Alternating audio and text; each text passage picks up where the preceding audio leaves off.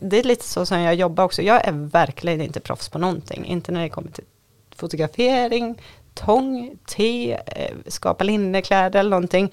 Men vad jag vill förmedla i, eh, till alla jag träffar eller mina följare så är väl att testa. Alltså, all, man kan göra det mesta, man måste inte bli proffs. Mm. Och om man testar lite här och där och försöker göra mycket så, så upplever man ju så mycket mer i livet Mm. än om man bara nördar ner sig på en grej.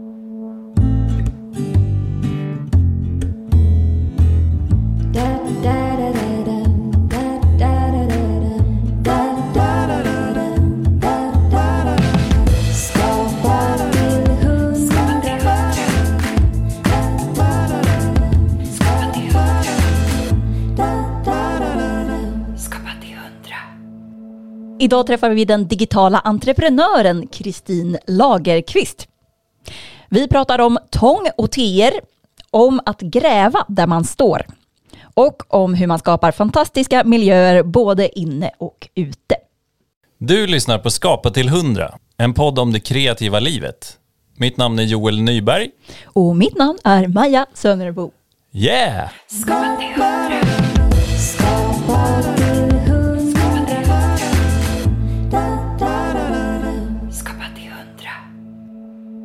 Vill du ha te, kaffe? Gärna lite te och lite vatten. Lite te och lite vatten. Vattnet är framställt. Jag är tyvärr, jag kom på det, vi har ingen sån här deluxe-te som, Nej, som nej, du jobbar med. Men just det! Är det här min sida? Ja men visst, Ja. exakt. det är som min, min tjej är också så här riktig tenörd. Hon har varit på Bali ja. och druckit, varit på teceremonier och grejer. Ja, häftigt. Så hon, det, hon säger att det här är bara restprodukter. Ja, det, ja, jo, men det är ändå ekologiskt. Ja, Yes, det är ekologiskt. precis. Och det här är ändå svart te, assam te Vill du ha från Indien. Mjölk i. Nej, det är bra tack. Men vi tänkte dra igång det hela, liksom Yes. officiellt, Ja. med en liten hisspitch. Yes. Kristin Lagerqvist är digital entreprenör och driver sedan snart 15 år en av Sveriges största inrednings och livsstilsbloggar, Krickelins.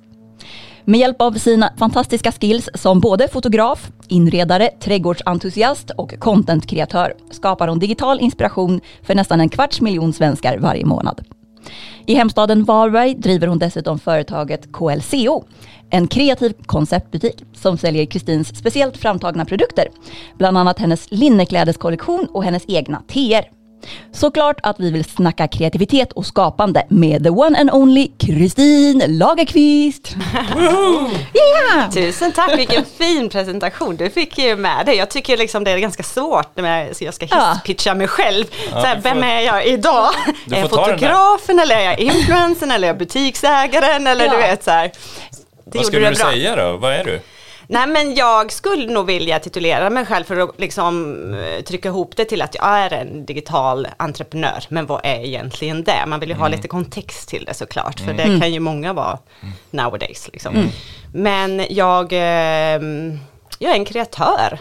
Eh, kort och gott och har det digitala forumet sociala medier som min främsta plattform.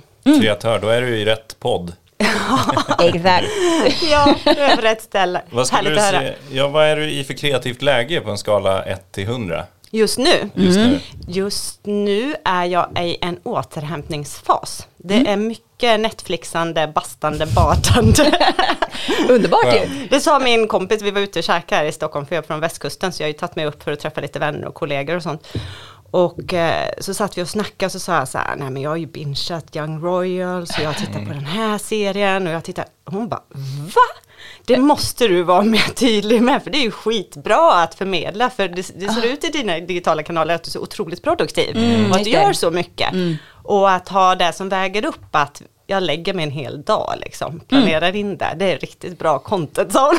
Ja, jag det- gör du det att det är så här, nu, eh, på onsdag är det vilodag, typ, eller? Nej men jag kan väl snarare känna in vad, vad kroppen behöver den dagen. Ja. Så är det är ju klart jag inte ställer in möten och sånt. För jag hade ju inte ställt in er för att ligga hemma och titta på serier på hotellrummet. Tack för Men- det. Men är det mina egna Mm. uppgifter i mitt egna företag som faktiskt kan skjutas på till på fredag eller nästa måndag. Mm. Och kroppen säger så här, men vet du vad, du behöver chill idag. Då Mm. gör jag absolut det. Ja, nej, jag känner igen det jättemycket. Jag är också egenföretagare och när man liksom har möjlighet att göra det, det är ju så fantastiskt liksom, lyx tänker jag. Ja. Och Också för att så här, hålla sin egen kreativa energi vid liv på Precis. något sätt. Att inte bara köra. För jag menar, det finns ju alltid, alltid massa saker att göra. Ja men visst är det så. Eh. Sen har det ju tagit så här många år att komma till den punkten i ens Ja. företagande att man har råd, liksom både ekonomiskt och enu- alltså, tid och så, att chilla en hel dag. För förr i tiden jobbade jag ju liksom med kreativt och, och samtidigt hade ett annat vanligt jobb samtidigt och det fanns ju inte utrymme såklart. Nej. och så små barn och allt på det. Men nu befinner jag mig i en plats i livet där det går bra. Det känns ju ändå som du har väldigt mycket vackra foton och så, fin, alltså inspiration. Jag tror att många följer dig för inspiration liksom. Och, eh, men vad känner du där? Tror du att det skulle, har du funderat på det, om det skulle ta bort en del av det, att du ligger hemma i soffan och kollar på Netflix Så här, på en bild? mystiken kring mig. En, sån här, Man kan en göra- ful bild liksom. vi göra vackra bilder när man chillar också? Ja, Eller? Ja, men då, nej, men skulle jag prata om det, jag har ju två olika digitala kanaler där jag kommunicerar i. Och då är bloggen den där, där jag är mer personlig. Där man kan man ju sväva ut i texterna och, och vara mer, eh, ha ett det. mer personligt tilltal, Ja. för det är längre texter där. Mm, så där skulle jag absolut kunna väva in liksom hur en sån chilldag ser ut. Och så ska Med bilder man, också? Ja, ja. jag hade nog inte lagt ut sunkiga bilder så. Nej. Där går gränsen. Fulaste pyjamas jag liksom. vet inte. Det jag vet inte. Jag hade hittat ett sätt som hade känts bra för mig. Mm. Men på just Instagram så hade jag inte haft några problem heller att säga att jag bingear serier. Mm. Det är bara, ja. Nej, det gör väl många. Ja, Det- precis. Alla, nästan alla. Men hade vi något, eh, någon eh, siffra här från eh, 0 till 100 på eh, kreativitetsnivån? Alltså, min kreativitet är konstant. Så även om jag är i ett flow och hänger upp eh, mängder av tavlor på väggen och skapar moodboards och är inne i ett projekt och sånt där och är superkreativ då så är jag lika kreativ nu fast inne i min fantasi i huvudet. Och det är liksom här jag bara så här, mm, gud, havet, naturen, eh, relationer, vänner, vad kan, jag, vad kan jag skriva? För jag måste liksom hämta, Just det, så det är liksom bara en del precis. av psyken. ja att- men absolut. ja. Så um, Är det liksom det bara att- ser olika ut, men det är en ständig kreativitet uppe Ja. i skallen. Ja, ja vad härligt. Mm. Men är det liksom så att du så här, fångar du idéerna på något sätt när de kommer då? Eller är det mer så här lite undermedvetet att det får ligga och bubbla? Liksom att sen när du börjar sätta dig vid skrivbordet Mm. eller liksom... Både och. Mm. Ibland använder jag, jag använder notes på telefonen jättemycket och skriver ner idéer och citat och texter och sånt som jag känner att ja, men där kan jag använda till senare och här fick jag en eh, idé till en nytt, eh, något nytt i mitt sortiment eller någon, till det här projektet jag jobbar med. Men ibland så börjar någonting bara snurra och så kanske det kommer tillbaka till mig en månad efter och då tänker man så här, ah, men det kom den där idén igen. Ja men då är det, då är det satsa om den kommer tillbaka det. till. Är det ett problem för dig att du tycker att det blir för mycket tankar eller sådana liksom, kreativa tankar ibland? Jag, jag både älskar och hatar det om man säger så, att Mm. det hela tiden snurrar. Ja, jag vet inte hur det är för, uh, är det tomt i andra skallar? Det tror jag inte. För jag tänker på tänker hela tiden. Ja. Men det är klart att ibland blir det ett problem i, i min vardag, när man egentligen borde fokusera på något eh, speciellt som ska bli färdigt. Jag tycker inte det är så kul och så liksom prokrastinerar jag det, skjuter på det och så går in i någonting som jag tycker är kul. Och Där bara jag får liksom superfokus och går igång på det och så går det fem timmar och så bara, men gud, så här, gjorde jag inte det där. Jag känner De sitter igen. och väntar. Ja. Så då Ja. kan jag ju få sitta på sena kvällar och göra det där för att jag höll på och greja med något kreativt Ja. som inte ens någon förväntade sig. Givet att du har så många liksom, strängar på din lyra, kan du, hur ser dina arbetsdagar ut just nu? Alltså vad gör du på jobbet? Jag har mm, två arbetsplatser kan man säga det. Jag har, eh, driver ju en butik, både en fysisk butik och en digital butik. Där vi producerar egna linneplagg och egna eh, teblandningar har vi och sen har vi även ett eh, sortiment med keramik och glas och alltså med, med stort inredningsfokus. Det är en livsstilsbutik där jag vill förmedla saker jag själv vill eh, plocka med hem i mitt liv och i mitt hem. Det säljer jag ut till konsumenter fötter också då. Eh, både digitalt och eh, i en fysisk butik i Varberg. Och det är den som heter KLCO? KLCO Ja. och det står för Kristin Lagerqvist Företaget. Ah, just det. Ja, och eh, där bygger vi upp en eh, plats som besökaren kan komma och vistas i och bli överraskad i och inspireras av. Så då är det ju mycket arbete kring att bygga upp miljöer där, eh, beställa hem sortiment, jobba med produktioner, jobba mycket med eh, content i det, sociala kanaler, hemsida, bilder, för jag tar allt, eh, alla bilder själv så att det ska vara mitt bildspråk i det. Eh, jag har anställda som jag måste också liksom prata med och se till att de gör vad de ska. Just det. Eller Hur många ju- är ni i gänget? Vi är ett, ett team på fem, Aha, men. Mm. eh, en fastanställd. Som är, och nu, nu är det snarare, det har för, för, fördelats så nu, så nu är det snarare hon som har koll på mig. Ja. Hon är mer liksom, hon har mer eh, strukturtänk Mm. liksom. Hon är ekonom och, och hjälper mig supermycket. Mm. Medan jag är den kreativa som ser lösningar och tänker framåt och så vidare. Så är hon mer i driften, Mm. eh, i kundtjänst. Skönt att och- ha en sån. Ja men precis. Ja, verkligen, alltså, hittar man liksom sin match, Ja. att man är tillräckligt lika för att jobba bra ihop, men att Ja. man ändå liksom kompletterar Ja. varandra, brukar ju vara fantastiskt. Man bara, ta det, du Ja. tar det där som inte Så jag. det, jag är verkligen lyckligt lottade. Ja. Så den arbetsplatsen det har jag och den är ju iväg från hemmet. Sen har jag ju min arbetsplats hemma också där jag skapar material till mina egna digitala kanaler och den är ju superviktig för mig för det ena benet hade ju inte funnits om det andra inte Mm. var eh, stadigt. Så att jag fortsätter att förmedla inspiration när det kommer till inredning och till livsstil. Vi skriver mycket om kalla bad och om hur du tar hand om kroppen och delar recept och eh, delar också mm, Alltså allting jag själv brinner för och tycker är härligt. Det vill jag de- förmedla i mina digitala kanaler. Och då skapar jag ju content och innehåll, texter och bilder eh, till både blogg och Instagram för det. Och sen har jag mitt, ehm, i samma arbetsplats så skapar jag också material till kunder, alltså betalda samarbeten Just som får min, eh, mitt företag att rulla runt ekonomiskt. Så jag har lite olika ekonomiska ben också att stå på för att det ska bli en hållbar affärsmodell i mitt företag. Så jag har lite olika arbetsplatser och dagarna ser ju ut lite olika på grund av det. Ja, Mm. men, just, men du, när du så fotar och inreder, du gör det liksom då för din eh, KLCO, ditt varumärke och för dig själv, liksom dina kanaler. Ja, men allt och flyter dina- lite in i varandra. Men exakt, och det, och det tänker jag som mottagare, liksom, jag har följt dig i många år, Mm. eh, det är ju som en en digital värld som du har byggt och, som man, och man känner ju igen som du säger bildspråket att det är som en, en magisk värld som är jättehärlig att bara Ja, att titta höra. på. Man blir väldigt sugen på att komma till din butik för övrigt. Ja, vi, måste, vi måste ta en roadtrip. Ni är varmt välkomna. Ja. Hörru, jag- alltså jag är jättenyfiken på ditt fotande, för jag tänker att det är många som följer dig, eh, inklusive jag själv, känner så här, wow, vilka Ja. bilder. Va, hur, eh, hur gör du när du tar dina bilder? Har du några magiska tricks? Nej, men jag har ju en bra kamera. Du har en bra kamera? Ja, det har jag ju. jag har en Canon eh, 5D Max EOS Mark 3, eller 5, Mark 5 tror jag den heter nu. Sen har jag ett eh, fast objektiv som jag använder. Eh, just nu använder jag ett 24 mm och, ehm, Vad betyder fast? mest- Att det inte är en zoom typ? Ja eller? men precis, det är Ja. inget zoomobjektiv. Ja. Så jag får använda mina fötter och gå fram och tillbaka för att Aha, ställa in mm. läget. Eh, för att anpassa mig efter den bilden jag vill ha. Sen så använder jag mig av naturligt ljus oftast och eh, jobbar med miljöer om hur ljuset faller. Så egentligen jobbar, och även när jag jobbar med min, min ehm, mobiltelefon så är det också ljuset som får berätta hur bilden ska tas. Liksom. Är det en, eh, en mörk mulen dag så ska jag inte försöka göra den solig i, i redigeringen Mm. eller i bilderna utan, utan då får Just jag det. anpassa mig efter Mm. det jag har och gräva där jag står. Ehm, ja, så jag bygger upp miljöer och jag vill inte att de ska vara för perfekta heller, får gärna vara lite skav.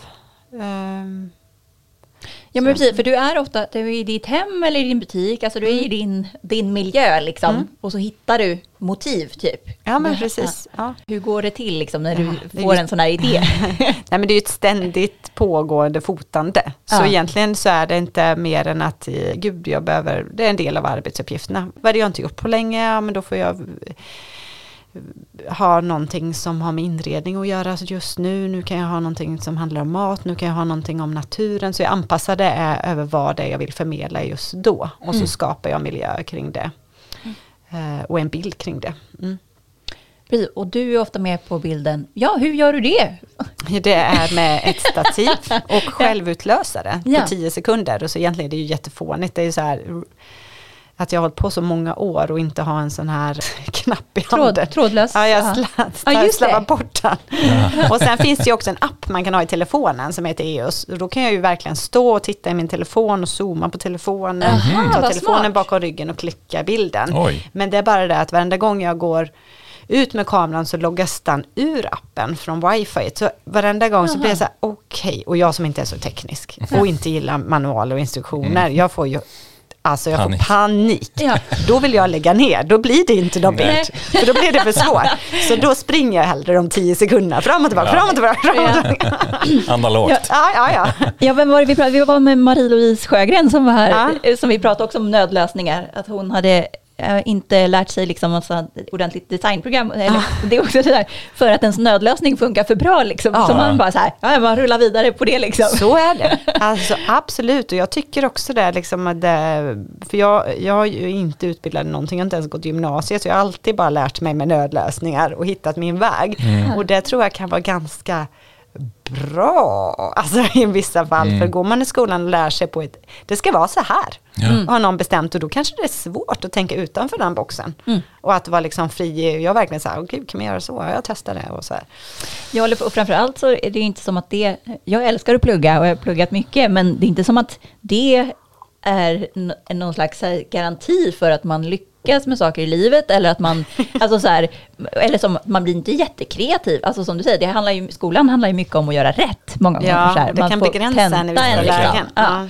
Så det, det, det får man ju inte lära sig jättemycket på universitetet, liksom, Nej. att tänka kreativt eller Nej. hur driver Synd. man en business. Ja, det är synd. Det borde man ju faktiskt sätta in på, um, på schemat mer. Mm. Verkligen. Det Ja, kreativa uttrycket och, och skapandet. Liksom. Det är ju superviktigt oavsett vad det är man jobbar med. Man behöver inte jobba med, man kan ju jobba med matematik och vara kreativ. Liksom. Mm, ja, verkligen. Kreativ bokföring. Så. Ja. jag vet, jag började, när jag började på kontor, jag hade jobbat med gästrelationer och inom restaurang och inom städ och så på hotellet jag arbetade för. Så jag flyttade från olika mm, eh, områden på det eh, hotellet jag arbetade med. Och då hamnade jag på marknadsavdelningen tack vare att jag bloggade på fritiden. Så sa de så här, men gud, du har en sån Kristin, hon kan ju det där med sociala medier, ska vi inte fråga henne? För det var då hotell, hotellet ville ut på Facebook och Instagram och ha en blogg och ha lite mer personliga texter och liksom bli mer så.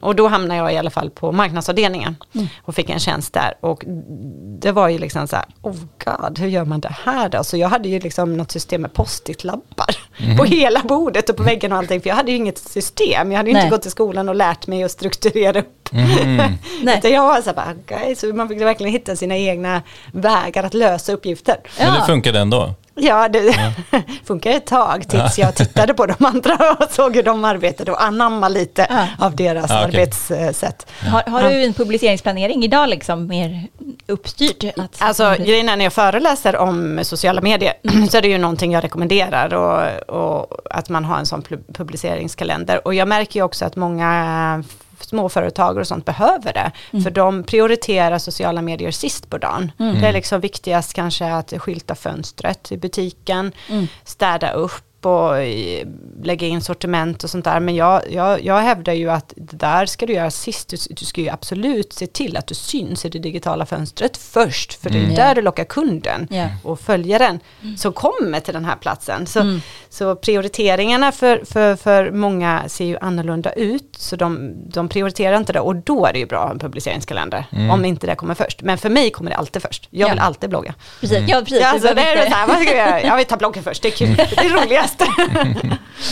Men eh, en sista fråga om eh, Ja. fotografierna. Vill, har du några så här, fototips som du kan ge till eh, följare eller följ, till lyssnare Ja, som Ja. känner sig sugna på att också ta sådana fina bilder som du? Nej men alltså se hur ljuset faller, absolut, jobba med ljuset och även om du bara eh, använder din telefon så eh, hitta dina eh, spännande liksom vinklar som du tycker själv är spännande och spännande innehåll i bilden och använd liksom redigeringssättet, antingen VSC video i mobilen eller Lightroom i mobilen och jag använder Lightroom på datorn med att redigera mina bilder så Mm. att du kan highlighta och trycka ihop kontrasterna och öka exponeringen eller Just sänka den. Och Redigera lite mer i datorn liksom. Ja men precis, lägga på lite konighet och vignett och förhöja liksom kulörerna, få det lite mer djup i bilden. Och det kan du inte göra direkt i telefonens egna. Ja men det kan Liksom du, absolut. Liksom, det finns olika redigeringsnivåer där. Ja. Men jag har inte lärt mig i telefonen hur jag, jag vet att det finns funktioner där du kan liksom zooma in och markera objektet och lyfta fram det och förhöja exponeringen där också. Det är väldigt Det- pilligt i min erfarenhet. Alltså typ när Ja. man ska du vet, försöka markera något litet område. Ja. När man, det, det blir inte helt... Nej. eh, Jag brukar lägga in mobilbilder i min dator och redigera i Lightroom för Mm. där är jag så himla bekväm med det redigeringsverktyget. Så där går det på ett eh, tjosan liksom. Mm. Och då är det lättare att göra det där och sen exportera den till telefonen igen. Tycker du man kan ta professionella bilder med telefonen nu om man redigerar det sådär? Alltså mobilbilder, är ju- alltså mobiltelefoner är ju så bra nu Ja. Mycket bättre än många eh, Tror. kameror.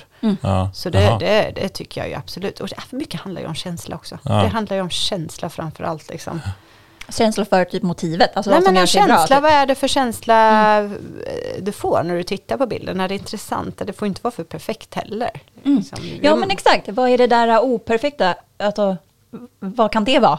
Nej, men det kan väl vara? vara lite så här liksom att det inte är för glatt, alltså att det, motivet inte är för glad. Eller att det är så här, gud spännande ansiktsuttryck på den och spännande eh, komposition på eh, den måltiden. Eller att det blir liksom, det fångar ögat på att man blir överraskad. Mm. Det tror jag är super, super... eh, Mystik. Ja, eller vad skulle du precis. kalla det? Ja men att det blir överraskande och lite, Ja precis, inte bara det förväntade. nej Nej. precis. En glad bild liksom. Precis. Ja. Oväntat. Ja, oväntat och att det blir liksom något som fångar Mm. blickar. För vi, vi, det är ju så otroligt mycket eh, bildmaterial vi konsumerar Mm. nu för tiden. Och jag tror också att vi är väldigt, väldigt, väldigt trötta på det tillrättalagda. Mm. Det märker jag ju från många, många av mina kollegor har ju börjat använda mm, bara mobilbilder och tagna lite från sidan och i farten med blinkbilder och lite sådär för att det, det har varit för perfekt under en lång period och, och nu är man intresserad av en vardag. Mm. Eh, att följa liksom influencers vardag. Man vill inte att de ska stå och posa perfekt längre utan Nej. man vill liksom mm, ha dem på språng. Liksom. Mm. Riktiga människor. Riktiga människor ja. Skapa till hundra. Det här avsnittet gör vi i samarbete med Frilansfinans. Men det som blir viktigt tänker jag också när man bestämmer sig för att erbjuda sina egna tjänster.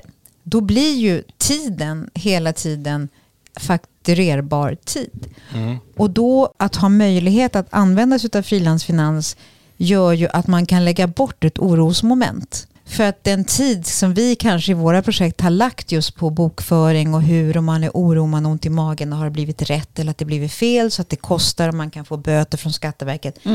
Den, allt det där kan man lägga bort och det är otroligt viktigt. För då helt plötsligt har du dina timmar som du verkligen kan jobba, med på, jobba på din leverans istället och ha fokus på det. Verkligen, alltså jag, jag tycker det är en superviktig grej för att även om man, nu har jag liksom suttit med min bokföring alla år och jag, varje år så frågar jag mig varför håller jag på med det här? För att det är precis det du säger Marika, att det är ju liksom en oro, även fast man, för, man så här, ja, nu har jag verkligen liksom, jag tror verkligen att nu måste det ha blivit rätt. Men jag vet inte det 100-110 procent som man skulle vilja veta för att jag är inte ekonom liksom. Jag har gjort så gott jag har kunnat och så som jag fattar. Men det är liksom, det är liksom ett litet gnag att man bara shit, är, det, är det 100 procent rätt nu? Att så här, det, och det är inte en jättehärlig känsla. Nej, det är inte så roligt att få bakslag om man får eh, restskatt och de där bitarna. Och det har man kanske inte heller marginaler för när man är i början av att bygga upp någonting. Det är surt. Och det kan man ju då också genom att använda frilansfinans garantera sig ifrån. Det, det som kommer in på kontot, det är pengar som du kan använda. Ja, för de har redan dragit all skatt och sociala avgifter och det som behövs. Och det, det hamnar på deklarationen också, ska vi säga. Just det. Just det. Och pensionspengen också, ens allmänna pensionsbidrag som man inte kanske tänker på i början av livet eller så. Men eh, under många år så, så kommer det göra skillnad ändå. Stort tack Frilansfinans för att vi jobbar tillsammans den här Ja. hösten. Tack, tack. Tackar. Men jag tänkte, alla dina verksamheter idag vilar ju på din framgång som influencer. Hur började allt? Alltså jag började blogga 2008 och då började det som en hobby. Som en liten rolig grej att eh, ha vid sidan om mammalivet. Jag hade småbarn på den tiden och, och var mycket i min trädgård, i mitt hem och, och så. Så jag började blogga. Och, det var eh, bloggen så, det började med? Liksom. Ja men precis. Mm, Och eh, så, så växte det communityt, alltså med eh, nätverkandet, man träffade andra som bloggade också och fick fler följare och så vidare. Och så utvecklades också min fotografering. Och eh, efter några år så fick jag förfrågningar då om att fota ba- barn, eh, bröllop, företag. Så jag har gjort en hel del kampanjfotograferingar till andra företag och till tidningar. Och, ehm, men det är ju ingenting jag gör längre utan nu fotar jag bara för mig själv. Nej. Vad var det som gjorde att det började växa? Liksom? Att du f- byggde din följarskara? Nej, men jag tror att det handlar om kontinuitet och eh, att man har en eh, drivkraft till att eh, föra en dialog med de som väljer att kika in i ens eh, för det är ju, mm, tycker jag själv, att det är mycket roligare att följa de som är intresserade av, av vad, vad mm, följaren eller den som läser, hur de mm, mötet med följaren om man säger så. Det är ju superintressant då att jag drivs av att förmedla kunskap och inspiration och för att andra ska få det lite härligare och lite bättre och dela liksom, jag kan också del, dela svåra grejer, vi pratar om, eller svåra och svåra, igår skrev jag om lymfsystemet, Ja, jag hur, hur du skulle kunna liksom Ja. dränera lymfsystemet på ett bra sätt med massage och med olika grejer du stoppar i det och sånt. Så, så jag drivs ju liksom att, av att förmedla saker och kommunicera med andra. Så jag tror att det var det, att jag utvecklade en förmåga och, och mm. ökade kompetensen i att vara kommunikativ. eh, Just det, var det liksom så här, eh, lite trial and error i vad som funkar när du började? Är det liksom att du har hållit på som har gjort att du har liksom både byggt followinget och blivit eh, du är fantastisk, liksom, både på att eh, skapa content och fota och allting sånt. Är du självlärd på allting? Ja men absolut, jag är helt autodidakt och Ja. har lärt mig. Så det har ju varit, eh, när jag kikar tillbaka på början så är det ju väldigt så här, bildspråket är väldigt så här poetiskt och konstnärligt. Jag är inte med mitt ansikte utan jag har klippt av huvudet och eh, står och håller i någon höna eller Ja. någon blomsterkvast.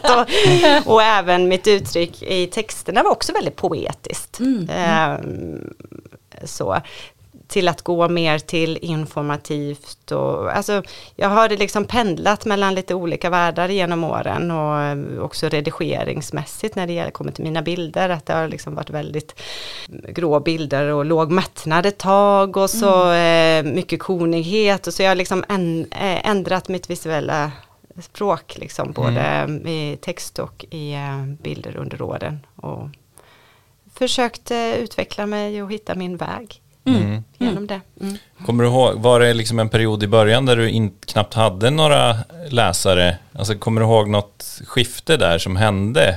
Med att du plötsligt fick många läsare, liksom, eller var, var det väldigt successivt? Ja, men den har ju växt organiskt, bloggen, hela vägen. Eh, från början hade jag 12 följare och jag kan tänka mig att det var någon kollega, min mamma Ja. och, och någon granne som läste och så. Och på den tiden förstod man ju inte heller hur, för jag tänker allting du lägger på nätet är ju som en tatuering, så det finns ju kvar. Eh, och den insikten fanns ju inte riktigt där och då, när det var så nytt med sociala medier. Så nu jobbar jag ju mer professionellt med det och allting är ju liksom strategiskt. Jag ju, tänker ju efter både en eller två gånger varenda gång jag postar. Ja, vad var frågan? Hur den växt bloggen? Nej, men allting handlar om nätverkande tror jag. Alltså jag har varit både bra på att nätverka med de som har velat komma in och ta del av mina texter och min, mina bilder och mitt liv. Eh, och inspireras av det. Och att nätverka med andra kollegor i branschen. Att man har byggt upp sitt community liksom av andra bloggare. För det kan man ju nästan titta på influencers nu. Att de, det är grupperingar som håller ihop och länkar till varandra. Som lyfter varandra, peppar varandra. Och det är också så man hittar nya följare. Eller får nya följare. Ja. Av att man är i ett sammanhang där man blir attraktiv. Och det, så ser det ju ut i de flesta branscher tänker jag. Att de, Eller hur? Att du blir pitchad av någon annan eller Ja, eh, rekommenderad och så vidare. Men vi pratade om det igår när vi satt och gjorde de här frågorna, liksom förberedda intervjun. Att det är så här, det är ändå lite, tänker jag speciellt, man är inte konkurrenter kanske på samma sätt i, som influencer, så att det är inte som att jag kan bara följa en. Eh, är man copywriter kanske man inte pitchar in en annan copywriter det första man gör. Alltså, så jag tänker att det kanske är extra speciellt för den branschen, liksom att, att det är en del av, du sa i, i någon podd, eh, man bär varann som en del av businessen. Jag tyckte Ja. att det var så fint. Ja, men jag tänker och väldigt mycket eh, att karma och att, jag, att ge så får du tillbaka. Alltså alltid, hela tiden. Att jag, om jag hjälper någon så är det jag som får hjälp imorgon. Hur skulle du i- eh, beskriva din inredningsstil? Går det? Nej, det är svårt. det är svårt. Det är svårt, men jag, jag inspireras ju av så många olika. Jag kan ju, ju bli väldigt inspirerad när franska lantliv boho check liksom och var väldigt intre, eh, intresserad av danska pop, poppiga, klatschiga. Och likadant ehm, så här, eh, det, det är så, en sån otrolig blandning hemma hos mig och så lever jag i ett sekelskifteshus, eller det är byggt ni- 1926 eller 27. Så det är ju ehm, ett äldre hus med skjutdörrar och sånt och då får jag ju skapa eh, miljöer som är anpassade efter huset tycker jag Mm. och, och gräva där jag står. Så jag har försökt att ehm, inreda med mycket vintage och lite nyproduktion. Och ehm, med olika kulörer eh, som följer en tråd genom huset. Så att även om det blir överraskande att det är en blå eller grön dörr helt plötsligt så finns det ju ändå en, en tanke med den gröna dörren för den, den kommer igen i nästa rum och så vidare. Den Mm, färgen? Ja men precis. Ja. Att den plockas upp bland kuddar eller på någon vas. Är det så exakt samma kulör, alltså exakt samma nyans då? Eller är det liksom Ja, men på vissa ställen så är det liksom exakt samma som följer på något skåp och någon dörr har jag eh, målat i samma kulör och sen försöker jag jobba med toner av samma kulör också. Sen jobbar jag mycket med tavelväggar, tycker jag är spännande att bygga Ja. upp från golv till tak. Ehm, och att hänga eh, tavlor på oväntade ställen, eh, platser. På, Vad kan det vara? Nej men alltså man kan hänga eh, tavlor lågt eller väldigt högt. Så att det bara så här, gud vad tänkte de där? Eller så. Och inte vara rädd att lämna också döda ytor. Det tycker jag också är väldigt spännande i rum. Vad betyder det? Nej men alltså hörn som inte är möblerade med tavlor eller speglar eller lampor eller någonting. Att det finns liksom ett helt cleant. Lite paus typ. Ja men precis. Böcker, superviktigt i inredning. Det tycker jag i alla, alla rum så är det väldigt vackert med böcker på, eh, på fönsterbräden eller att man har en, eh, en hel väggtext med bokhyllor. Men på tal om det här med tavelvägg, eh, vad- är dina bästa tips där? Jag tycker det är lite svårt. Du tycker, Ja. Det är många som tycker det är svårt. Ja. Jag får den frågan hela tiden Ja. och jag förstår inte frågan. Men vad, vad är det du tycker är svårt då? Nej men jag, jag förstår, eller så mycket har jag liksom lärt mig. Jag tänker så här, man måste bygga liksom ihop det här motivet, alltså bygga tavlorna som en stor tavla på något sätt. Ja, ja. Så då brukar jag lägga ut dem på golvet, för det är liksom det enklaste sättet att Ja. se dem liksom tillsammans. Men sen fattar jag inte hur jag ska få upp det där på väggen, för jag tänker den där då stortavlan som man har byggt. Ja, alltså det, Eh, hur, ska den, hur ska man få den på rätt plats på väggen? Men också så här, hur får man så här en... För det, får inte, det ska ju se så här lagom spretigt ut, tänker jag också. Ja. Att det får inte och vara det är för precis strikt. där problemet ligger, att Ja. du tänker för mycket. Ja. Jag ska bara känna. Alltså jag, Åh, för jag vet, så här, vad är det som är svårt brukar jag fråga. Och så här, Ja. Nej men jag vet inte riktigt hur och så här, men börja spika upp då. Men vadå, du tänker ingenting typ? Eller Nej men jag brukar, tänka, jag brukar tänka att jag ska ha en rö, rö, röd tråd rent kulörmässigt. Mm, Okej. Mm. Alltså att jag vill inte sätta upp så här blå, grönt, gult, blått. Alltså att det blir liksom för uh, cirkus på väggen. Ja, just det. Utan jag vill liksom ha då så här, men okej, nu har vi valt dämpade färger med lite kolteckningar och något foto. Och jag har, så jag har blandat liksom olja, akvarell och allt. Och någon liksom dragit ut någon tidningssida och ramat in. Så Mm. att det finns liksom en röd tråd i motiven och kulören.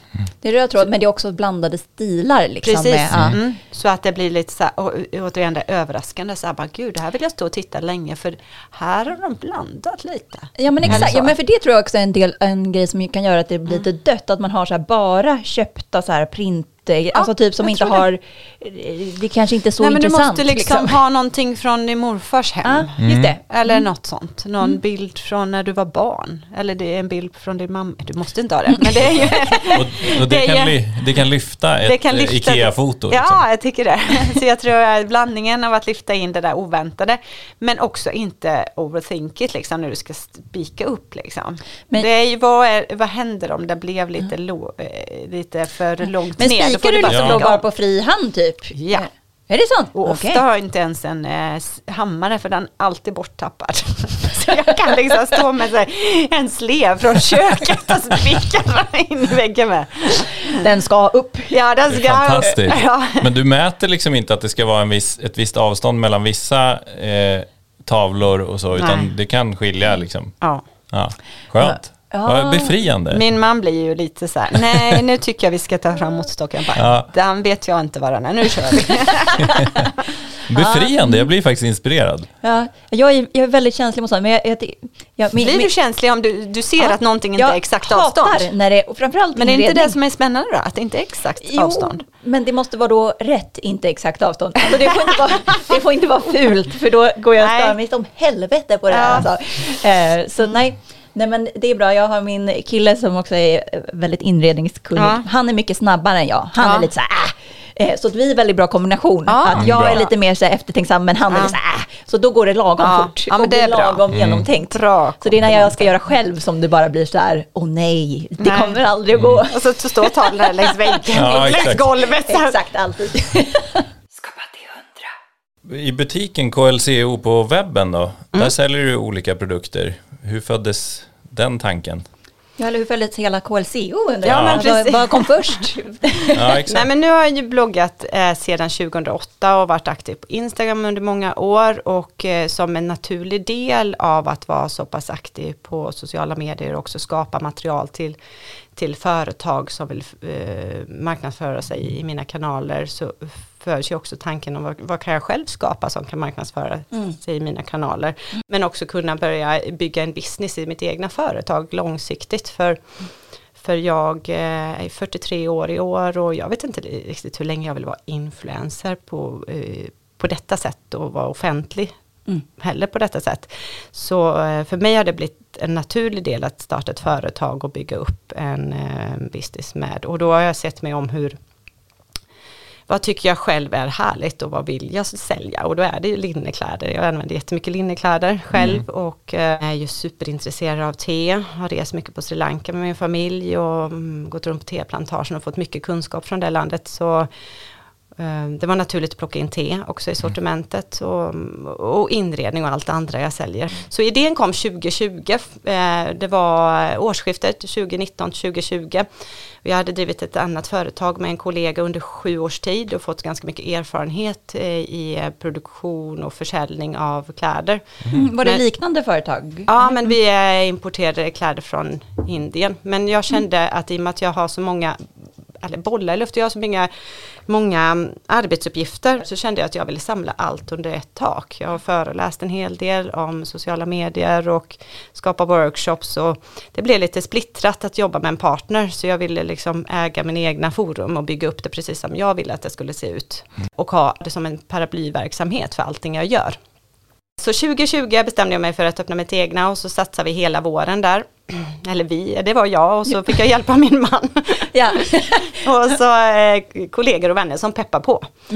Men så kom ju pandemin där också i mars och då hade jag redan signat ett kontrakt på liksom 220 kvadrat på tre ja, just det. år. Du började liksom inte Ja. med webbshoppen utan det var lokal. Liksom. Lokal och webbshop och allting och jag hade Ja. också, um, låg i dialog med leverantörer från um, Sri Lanka.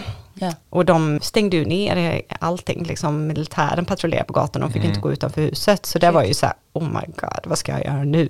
Och det var Sri Lanka, det var te då? Eller? Ja men precis, Ja. te och, och lite andra produkter jag också ville skapa där nerifrån.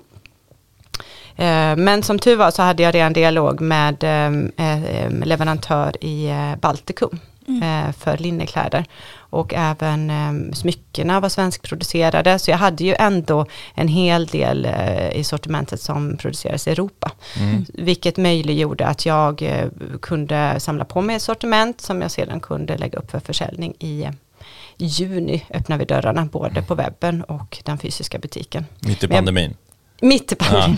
Men jag började ju bygga varumärket redan i april Ja. eh, med att eh, starta ett Instagramkonto och också en, eh, en, en hemsida, en landningssida där det var följ, följ vår resa och var redo på nästa steg. eh, och börja följa vårt nyhetsbrev för att skapa liksom en hype. Så jag sa egentligen inte att jag skulle sälja några saker överhuvudtaget, utan mina följare var så här, hon ska göra något och hon pratar om mjuka, mjuka toner och eh, typ så här brända kulörer. Jag var väldigt så här, mm, någonting är på G, hon ska göra något. Bäst att signa in på det här nyhetsbrevet. Så jag byggde en liten hype eh, Ja. kring varumärket redan innan jag, innan jag förmedlade att det är faktiskt kläder jag ska satsa på. Ja, vad häftigt. Va, och, eh, hur gick det sen då? Var alltså, jag tänker med, för när ni öppnade då var det väl i den där lilla luckan när de öppnade upp i en Ja. sommar och så trodde man att skönt, nu är det Ja. över och sen bara smackade det på igen och så fick man sitta Nej, in ett år eh, till. Jag lever i Varberg som är en, en sommarstad. Mycket turister kommer dit på, på somrarna och, och eh, ännu mer då naturligtvis under pandemin när man inte kunde resa utomlands och, eh, och svenskarna började resa inom Sverige. Och också ta sig mer till platser där man är nära naturen, hav och klippor och berg och skogar och sånt och inte vill gå i storstäder. Så det var ju gynnsamt för oss att eh, öppna vår verksamhet där. Men vi säljer ju 80-85% online. Right. Mm. Eh, och då är det ju främst våra linneblusar som säljer och klänningar. Ja, Och de våra är otroligt fina. Ja, jag vill så också, jag har. Ja. pikat in och jag skulle vilja köpa en men det var Ja. slut i min storlek Aj, så aj, jag, jag väntar på. men, men hur hittar du de här linnekläderna? För de känns ju så väldigt i linje med ditt varumärke eller din stil liksom, Mm. som du redan hade skapat. För, satte du dig och letade liksom efter, jag vill Ja, ha linnekläder? liksom, typ? Ja, ja, men det var verkligen research, googla för att hitta en leverantör. Ja. Väldigt mycket så för att eh, mm, hitta någon som skulle kunna skapa det jag ville. Mm. Eh, ville mm, göra. Sen hade jag ju en idé vad det var för sorts plagg jag, jag ville sy upp. Men, men jag är ju inte utbildad designer eller eh, kan ju inte rita mönster så liksom som man ska, om man säger så. Men jag gör ju lättare skisser, bilder eh, på plagg jag tycker om. Alltså har plagg i min garderob som jag tänker så här, det här är ett riktigt bra plagg. Jag vill ha vidden i den, men ärmarna på det här plagget, men jag vill ha en kortare ärm och så ni, det liksom- är ändå en kreativ process liksom? det är absolut Ja. en eh, kreativ process och många möten och många skickande fram och tillbaka. Och sen eh, får jag då eh, ett mönster skickat till mig av eh, min leverantör som jag godkänner och sen så syr de upp provplagg som jag sedan testar och provar och sen får vi se om vi har lite små justeringar och sen går den till produktion. Och Och hur, hur hittade du det företaget då? Det är i Litauen, ett familjeföretag Ja men va? precis, så jag har googlat mig fram. Det var bara och ringt googla och och, hitta. mejlat och sånt där. Ja. Du hade många alternativ eller? Ja men jo, men jag kommunicerade med ganska många innan jag landade i en leverantör som jag tyckte passade mig. Är det liksom en digital process eller ses ni också fysiskt och har kreativ eh, workshop typ kring hur de här... Allting har faktiskt skötts helt digitalt Ja, mellan eh, mig och min leverantör. Med Facetime och ehm, Zoom och mail och eh, mycket WhatsApp. Ja. Väldigt mycket WhatsApp. Så du gör eh, de här idéerna, jag skulle vilja ha Mm. lite så fast så och Ja, sen men gör, precis. ritar någon kläddesigner där Precis. typ, förslaget liksom. Precis. Sen har jag i och för sig en mönsterdesigner som är min nära vän. Hon heter Hanna Wendelbo. Ja, Henne har jag jobbat med i några år. Hon har skapat mönster med blommor till våra sommarkollektioner. Och vi sitter ju brainstormar eh, ovan, eh, över ett bord så här och, och skissar upp och, och så. Så där är ju den kreativa processen väldigt eh, fysisk, om man säger så. Te då? Hur kom du in på det? Liksom, nu, ja, det, nu dricker du lite te här också, men vi har bara påste här i studion. Var det okej? Ja men jag är inte kräsen. Eller jo, jag är jättekräsen. Men så, det var ju jättegott ekologiskt. För att vara påste. Ja, det var det. Folk är helt klart godkänt. Ja, men berätta hur du kom in, nördade in på te. Mm, nej, men faktum är att jag liksom eh, befinner mig i en bransch som är väldigt så här eh, snabba kickar och liksom hög konsumtionsnivån är ju hög liksom bland influencers och också i vår kanske generation som vill handla det nya senaste hela tiden. Och jag kände att jag kanske inte är världens mest hållbara människa i min livsstil, absolut inte. Men, men eh, jag kände ändå att om jag ska starta det här varumärket så vill jag erbjuda någonting mer än att bara eh, konsumtionshets, att man inte, inte ska eh, känna jag måste ha det plagget och jag måste ha det och den prylen eller så, utan jag ville faktiskt erbjuda lite kunskap och en, en stund för reflektion och en stund för möten. Och där tycker jag just te blir så bra. En testund kan vi alla samlas kring, alla generationer. Så det var därför jag kände så här, men det känns helt rätt att plocka in eh, teblandningar i sortimentet och mm. kunna prata just om det. Så när vi har, får in eh, kunder i vår butik så har vi alltid bryggt eh, varmt te på vinterhalvåret eller kallbryggt te på sommarhalvåret. Mm. Två olika sorter. Och då får vi ju en, en möjlighet till att möta kunden eller med, eh, den som stiger in innanför dörren. För jag tycker ofta själv när man går in i en butik och så står eh, butikspersonalen kanske upptagen i ett samtal med varandra eller vid någon kassa, mm. någon dator och mm. nersänkt blick eller så. att Jag tycker att det här um, service och mötet, blicken, ett hej, mm. jag ser dig, jag vill förmedla någonting, är du intresserad, vill du bara kika runt så är det helt okej, okay. men om du vill komma och smaka på lite te, så gör gärna det. Då får vi en möjlighet att snacka med alla som kommer in och se alla. Mm. Så, så, även om de går därifrån Um, utan någon påse med en linneblus i så går de därifrån med en upplevelse mm. och en skön känsla i kroppen. Mm. Och det tänker jag att att eh, det ger ringa på vattnet. Dels i, det, i, i möte med andra människor, att man också känner så här, att man vill vara lite vänligare och se och hälsa och sånt där, men också att man kanske berättar om oss för sina mm. vänner och bekanta. Vi var i den där butiken, det var så himla trevligt och det luktade gott Jäkla och det var bra te. musik och ja. vi fick smaka på te och så här ja, liksom. väldigt smart ja. sätt att mm. just så här bygga den här bron ja. liksom. Jag stimulerar alla sinnen ja, också med musik. Jag har ju jobbat i hotell i tolv år. Så. Ja, du kan det där.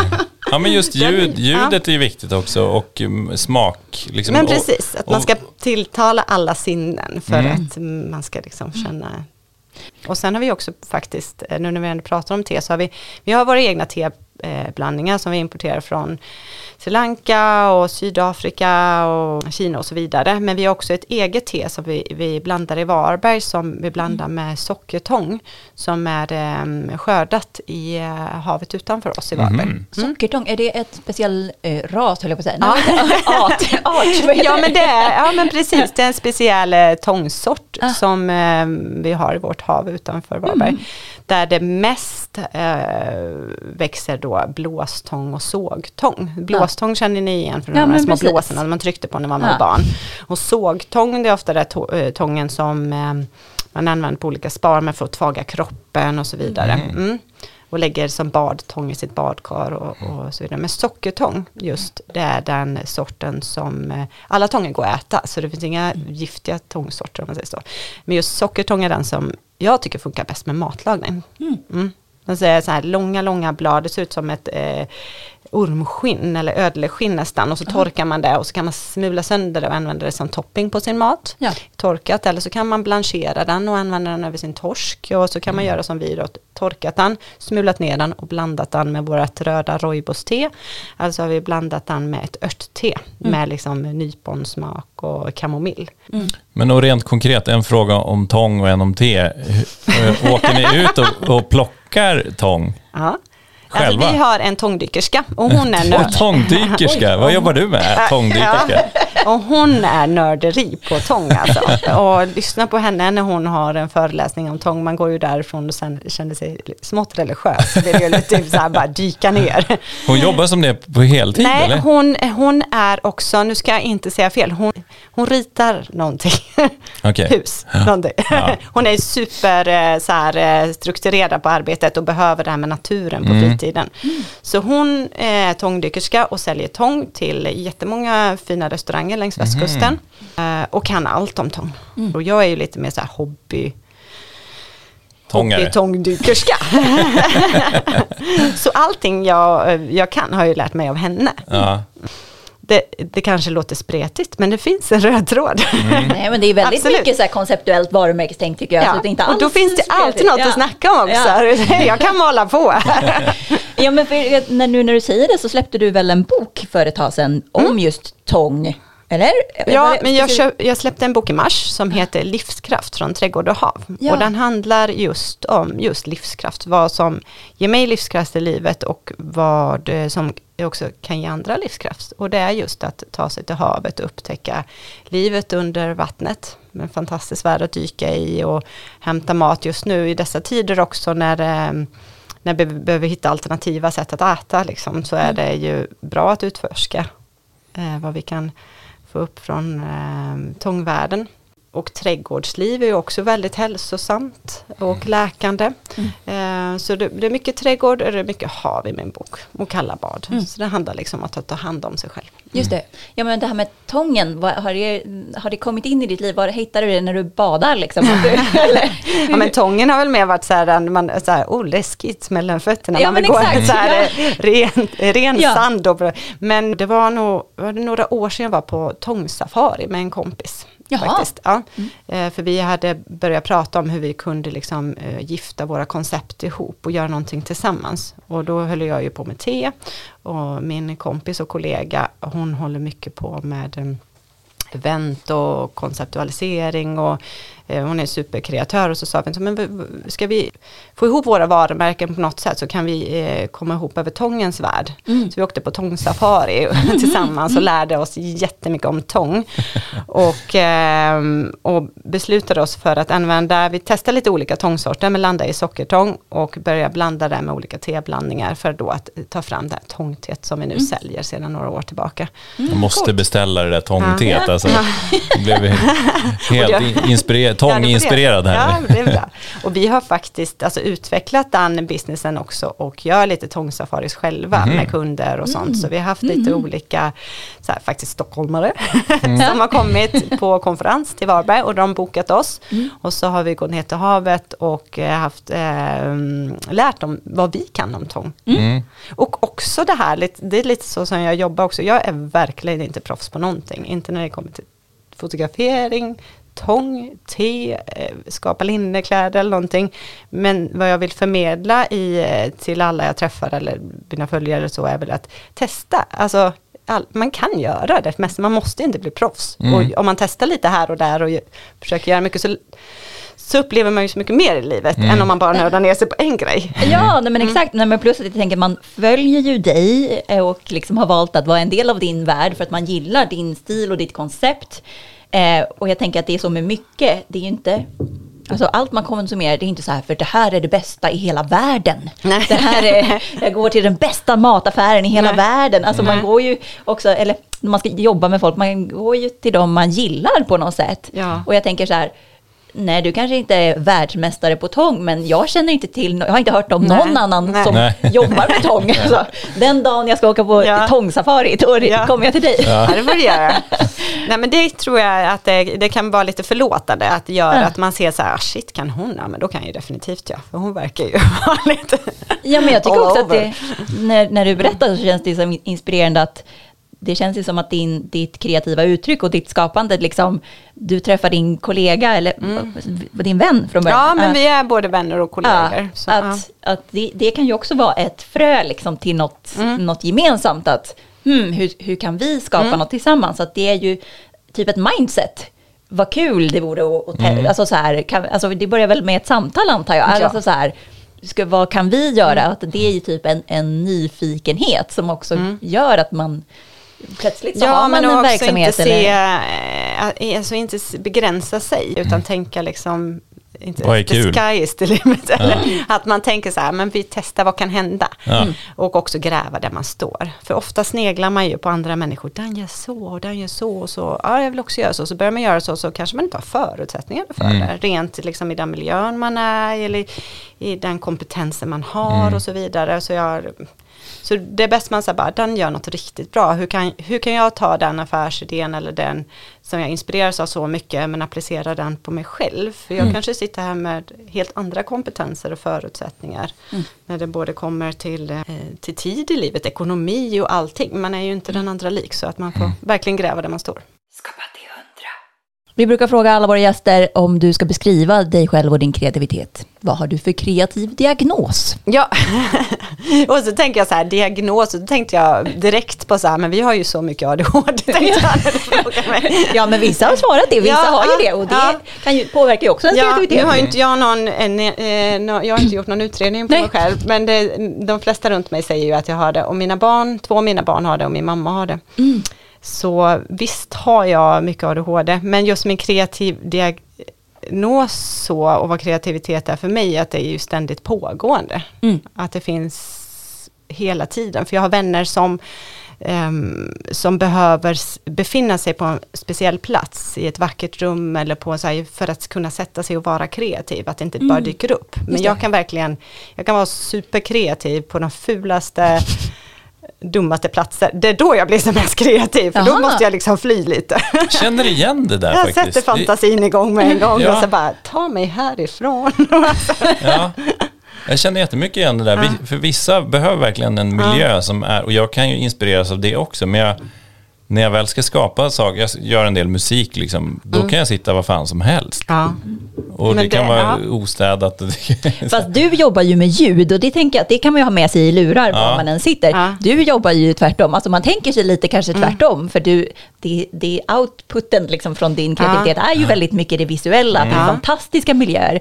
Så det är ju som är intressant. Ja. Ja, nej men jag, jag, jag bygger upp väldigt mycket världar i huvudet. Alltså väldigt mycket rum i huvudet. Alltså, eh, ja men rum, hur det ska se ut i mitt rum. Och sen hur jag ska kunna porträttera rummet och sen kunna förmedla rummet. Och det handlar inte bara rent fysiskt om ett rum med fyra väggar, utan ett ett koncept kring ett varumärke eller ett, eh, hur ska jag fylla det här rummet med intressanta grejer som är värda att snacka om, typ så, och som blir intressant för mig. Ehm, och det, nu du säger det här liksom att man kan skapa, jag har snarare kanske blivit stressad av att befinna mig på för vackra platser. För jag vet, jag, fl- jag åkte ner till Frankrike en månad för att skriva min bok. Att för, eh, göra texterna. Och det var svårt alltså. Det var för tyst. Och det var ju så långsamt och jag bara sen, ha nu ska jag, det var så mycket förväntningar på, Just det. och jag har vet att jag Ja. har varit på skrivarkurs i Toscana och det var också för perfekt liksom för att Ja. kunna skapa det där skavet som jag gärna också vill ha in. Att det får inte vara för perfekt, varken i text eller bild eller så, utan jag, en, ge mig en tågkupé som är stökig så kan jag bara sitta och skapa. Har, du, har du rutiner som gör dig mer kreativ? Det har jag. Jag, alltså, jag, vet, jag har ju rutiner. Det första jag gör när jag går upp, jag går upp supertidigt, så dricker jag ett riktigt stort glas kallt vatten med, med citron i, pressad citron i. Och har jag inte gjort det, så blir hela dagen förstörd. alltså det är så oj, konstigt. Ja. Så det är ju en rutin som är superviktig för mig. Okej. Och eh, även eh, två koppar kaffe på morgonen. Så jag har ju den sortens rutiner Mm. för att kunna eh, ta mig igenom dagen. Men jag har inte sådär arbetsrutiner. Nej. Och det är någonting jag, jag verkligen eh, ser som en utmaning i mitt liv och mitt yrkesliv. För jag har ju som sagt anställd och jag tänker hela tiden, för min, min man jobbar eh, på en arbetsplats och är personalansvarig och jobbar med ekonomi och sånt. Så han är väl ganska fyrkantig i sitt arbete. Så vi bollar ganska mycket affärsidéer och, och kan hjälpa mig mycket i mitt företagande. Och när jag pratar om personalen med han så säger jag så här, men vad har du veckomöten med? Ja, jo, jo, jo, jag ska- vi ska ha veckomöten. så jag behöver, jag behöver ju ha mer rutiner för Ja. att eh, få ha mer struktur. Eh, för allas skull. Men det är inte så att jag inte har någon koll. Jag har min Nej. egna struktur, men den ser inte likadan ut som normen. Nej. liksom. Du har inte Excel-dokument med schema vad du ska göra på dagarna? Absolut, alltså bli så stressad av det. Ja. otroligt stressad. Jag kan, och det är väldigt stressande med dokument överhuvudtaget. Jag kan få sådana här, om jag får långa kontrakt eller avtal, då kan jag så här bara till min man så här, kan du läsa det här och se till mig om det är något jag behöver ta ställning till. Ja. Annars så säger du bara, du kan signera här. Ja. Ja. Och så kan jag bara, jag går och städar hela huset bara och gör det. Eller typ så här, för jag blir så här superallergisk Ja. mot eh, dokument. Bra att ha honom. Väldigt bra. också. Och det är min kollega också, hon är ju superbra på det. Hon Ja. bara, nej men Kristin jag tar det, säger hon. Men det är Jag säger till dig om det, det är någonting du behöver. Precis, det är sån dokumentskräck. Ja, ja, ja faktiskt. Ja. Och det här med kallbad och sånt då, Mm. är det en del av dina rutiner? ja, men kallbad är definitivt. Så här, får jag inte min kallbadskick, då, då är det lite som det där citronvattnet. Att, Men badar du varje dag alltså? jag försöker det, Wow! Okej, Ja. Året om? Ja. året om. Alltså, nej, men det, så blir det ju inte. Ibland kan det ju gå en vecka utan att jag badar. Ja, men, jag att det försöker... är, det är isbad och allting. Eh, Ja, alltså i, i havet så blir det ju, i, du lägger ju sig i ett istäcke väldigt sällan på havet i och med att det är, eh, dels är det saltvatten och så är det rör det på sig hela tiden. Så det är ju väldigt sällan det är is. Ja, men jag menar isbad som runt noll grader. Ja, ja, ja, ja, det är kallt på vintern. Men vad ger det dig då? Men det ger mig ett, eh, ett välmående. Den gör mig stabil i psyket och det är som att jag har stått på, att jag har sprungit liksom 3-5 kilometer i skogen Mm. när jag kommer upp från ett kallbad. Så att det är endorfiner och som sprudlar och dopaminer i kroppen och så vidare. Så det är en väldigt så här frihetskänsla och en skön känsla i kroppen som är oslagbar. Ja, det, man känns lite hög Mm. Ja, men faktiskt, faktiskt. efteråt. Och sen, men känner du att du jobbar bra liksom efter ett bad? Absolut, Mm. jättebra. Och också, det har också varit väldigt så här läkande för mig att använda badet under, liksom, under dagar med ångest eller under dagar med väldigt stor stress och press eller när jag har huvudvärk eller ont i kroppen och man är sprän, spänd i musklerna och sånt så kan ett bad vara jätteförlösande och precis den medicinen man behöver. Så jag använder det ur, ja men liksom både förebyggande för hälsan men också då jag mår kass liksom. Då kan det hjälpa mig. Eh, du har ju en workshop som heter Hur du får omgivningen att säga wow. Ja, Hur får man omgivningen att säga wow? Vad, vilket, är det den kreativ kraft du har tittat på då eller? Ja, du, Är du, Är det på din hemsida tror jag? workshopen hette det. Aha. Hur du Jag har får bara omgivningen att säga wow. Kan du ge mig lite kontext? För nu har du t- tittat på Krickelins hemsida då eller på KLCOs? KLCO. Men Va- gud, ja, jag måste veta först innan vi går vidare. Ja, Jag, bara här, jag måste bara få se vilken du menar. Ja, det står där. Hur du får omgivningen att säga wow. Den här har inte jag gjort på länge. Nej, nej. Du, vad är det jag säljer egentligen nu? Det var kreativt. Nej men den Ja, här har men- jag verkligen inte gjort på länge. Nej. Men vi, eh, nu jobbar jag mest med den här kreativ kraft. Jag jobbar ju med många eh, vänner och kollegor som jobbar med olika med liknande grejer. Och ibland gör vi eh, workshops tillsammans och utbildningar ihop. Men just nu jobbar vi mer med en eh, workshop som heter Kreativ kraft. Och då är vi tre tjejer som har gått ihop eh, för att prata. Då har vi en som är mönsterdesigner som jobbar också med digitala eh, medier och med trädgård och mönster. Och Vendelbo. Vendelbo, ja, Hanna Ja. Vendelbo. Ja. Sen har vi Anna Linton som är eh, superduktig konceptutvecklare. Eh, Och så är det jag då som pratar om eh, sociala medier och om hur jag har ehm, eh, konceptutvecklat eh, KLCO och hela mitt brand med Krickelin och så vidare. Så vi går ihop tre tjejer och delar med oss av våra erfarenheter och vå- våra kompetenser för att andra tjejer eller män ska kunna applicera det i sina verksamheter och göra det till sin Mm. eh, inspireras att ta sitt nästa steg i företagandet. Mm. Vad är din bästa tips då för att få kreativ kraft? Ja men kreativ kraft tycker jag eh, är verkligen att gräva där man står. Ja, det har du sagt många gånger. Ja, va? verkligen. För man möter så många människor som vill vara som andra. Eh, och, och det är ju helt fint att inspireras av andra. Men eh, det, det är så dumt när man gör det så, så man missar sin egna USP. Liksom. Vad är din liksom, USP? Vad är det du brinner för? Vad är din drivkraft? Och vad är det liksom, som är roligt och sånt? För gör du som någon annan fast du inte egentligen har det inom dig, då kommer, du inte, då kommer det inte bli hållbart i längden. Liksom. Så verkligen så här bara, vad, vad tycker jag är roligast? Vad tyckte jag var roligast när jag var liten till exempel? Vad, vad lekte jag med då?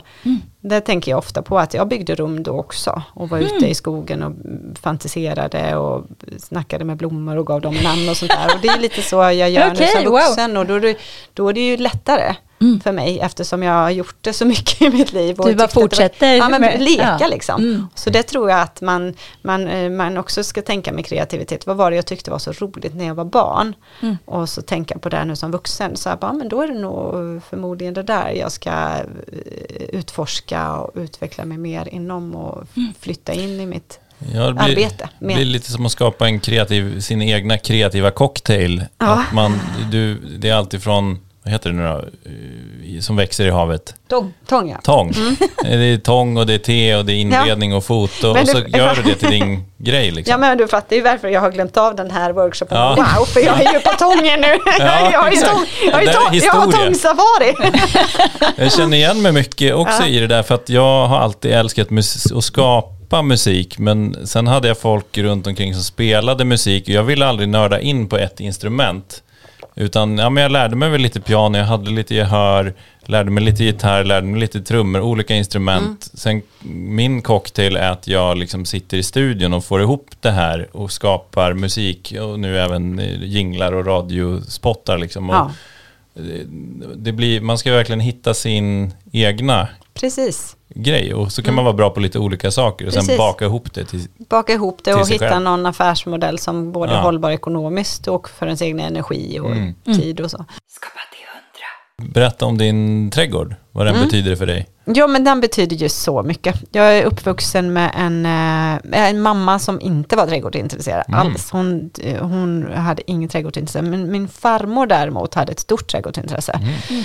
Och hon var ju eh, väldigt mycket ute i, eh, sitt sommarställes trädgård tillsammans med mig. Så det var där jag lärde mig att det var alltså, en, en, en läkande plats att vistas i.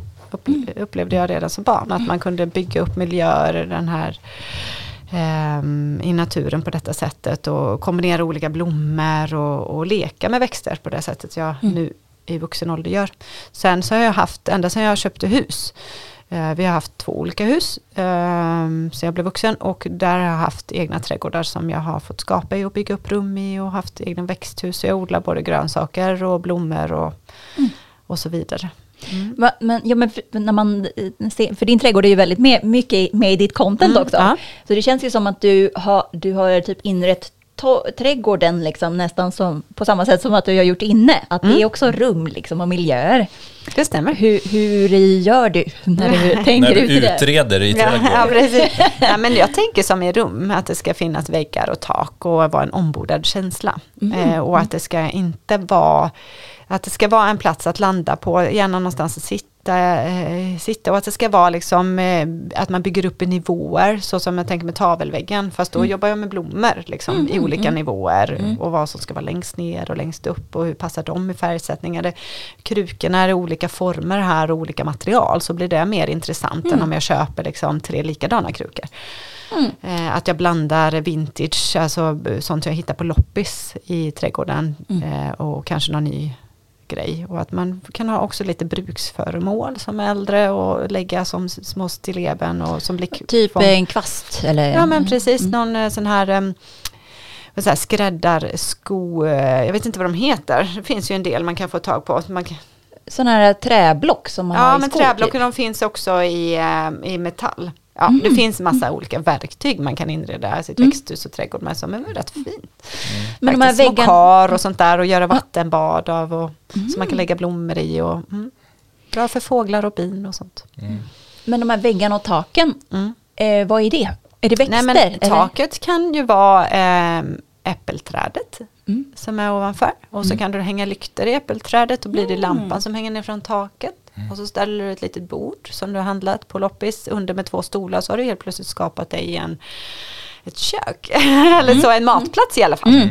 Och sen så kan man eh, också ställa dit en soffa och ett litet bord och göra lite mer ombonat. Då har du ett litet vardagsrum. Och, ja. Men det är liksom som att du ser det som rum för människor. Jag tänker att vissa trädgårdar är mer rum för växter på Jaha. något konstigt sätt. Mm. det är så här, är en rabatt med det och här är en rabatt med det. Ja, mm. Nej, jag tänker nog Aha. att det ska vara en plats för människor ja. och djur. Men som jag har också byggt upp det kring liksom olika nivåer av behov som familjen har. Mm. Eh, för vi har också en pool, så när, när den kom in i våran trädgård så blev det ju mer att då började barnen hänga i trädgården mer. Mm. Än förut var det mest jag som hängde där, eller vi skulle äta eller fika Mm, tillsammans. Men nu använder de ju trädgården hela dagen också. Mm, Både. Min man och mina barn och då är vi ju tillsammans där ute. Så om vi har det vattendraget med vatten och sen har man ett, eh, en plats att umgås på och så kan jag ju bygga upp rabatter som ramar in den här platsen så att det blir trivsamt. Så med solrosor som växer sig höga och ger skugga och trädet och så att man, att man kan skapa olika miljöer kring de behov man har. Just det. Mm. Så du tänker väldigt likadant egentligen och känner eh, vad gäller inredning inne och ute? Absolut. Eh, Vad är skillnaden då? Ja men det är ju eh, väldigt så här säsongs... Det är mycket jobb med en trädgård. så tycker jag. Ehm, och det är ju väldigt så här, det växer upp och sen dör det ner. Så är det ju inte, det är ju mer eh, långsiktigt i ett hem. det är inte så oberäkneligt för det kan Nej. ju, i, i trädgården är ju som, som vid havet så alltså blåser det, vi bor ju vid västkusten, så blåser det i t- tre dygn och så har alla blommor ramlat omkull om inte jag har varit duktig med att binda upp dem och sånt där. Eller så kan det regna jättemycket så blir allting helt eh, förstört. Levande? Det är en större utmaning Ja. att, med, med rummen i trädgården än där inne. Ja, men så tänker jag också att också ol- olika växt- växter har så här säsonger som inte är hela sommar. Nej, tänker du också att det är olika. Ja. i sjok? Liksom, Mm. att, Nej, men jag brukar tänka på att jag har de tidiga sommarblommorna och de som eh, står sig hela juli. Och, men även sensommarblomster som dahlia och rosenskär och sånt som blommar ända in i eh, oktober. Nu är, nu är det ju november och fortfarande blommande. Mhm, mm. Ja, Men blandar Ja, du dem då liksom? Alltså så att det ska finnas blommor hela tiden? På vintern också?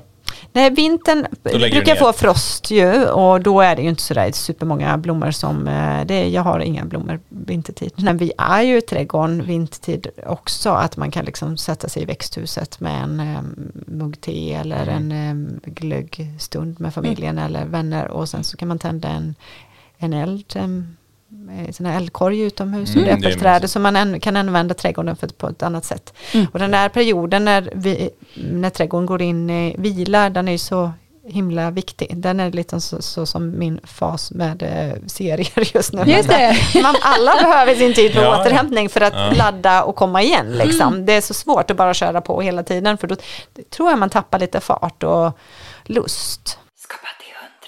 Hur högröstad är din inre kritiker?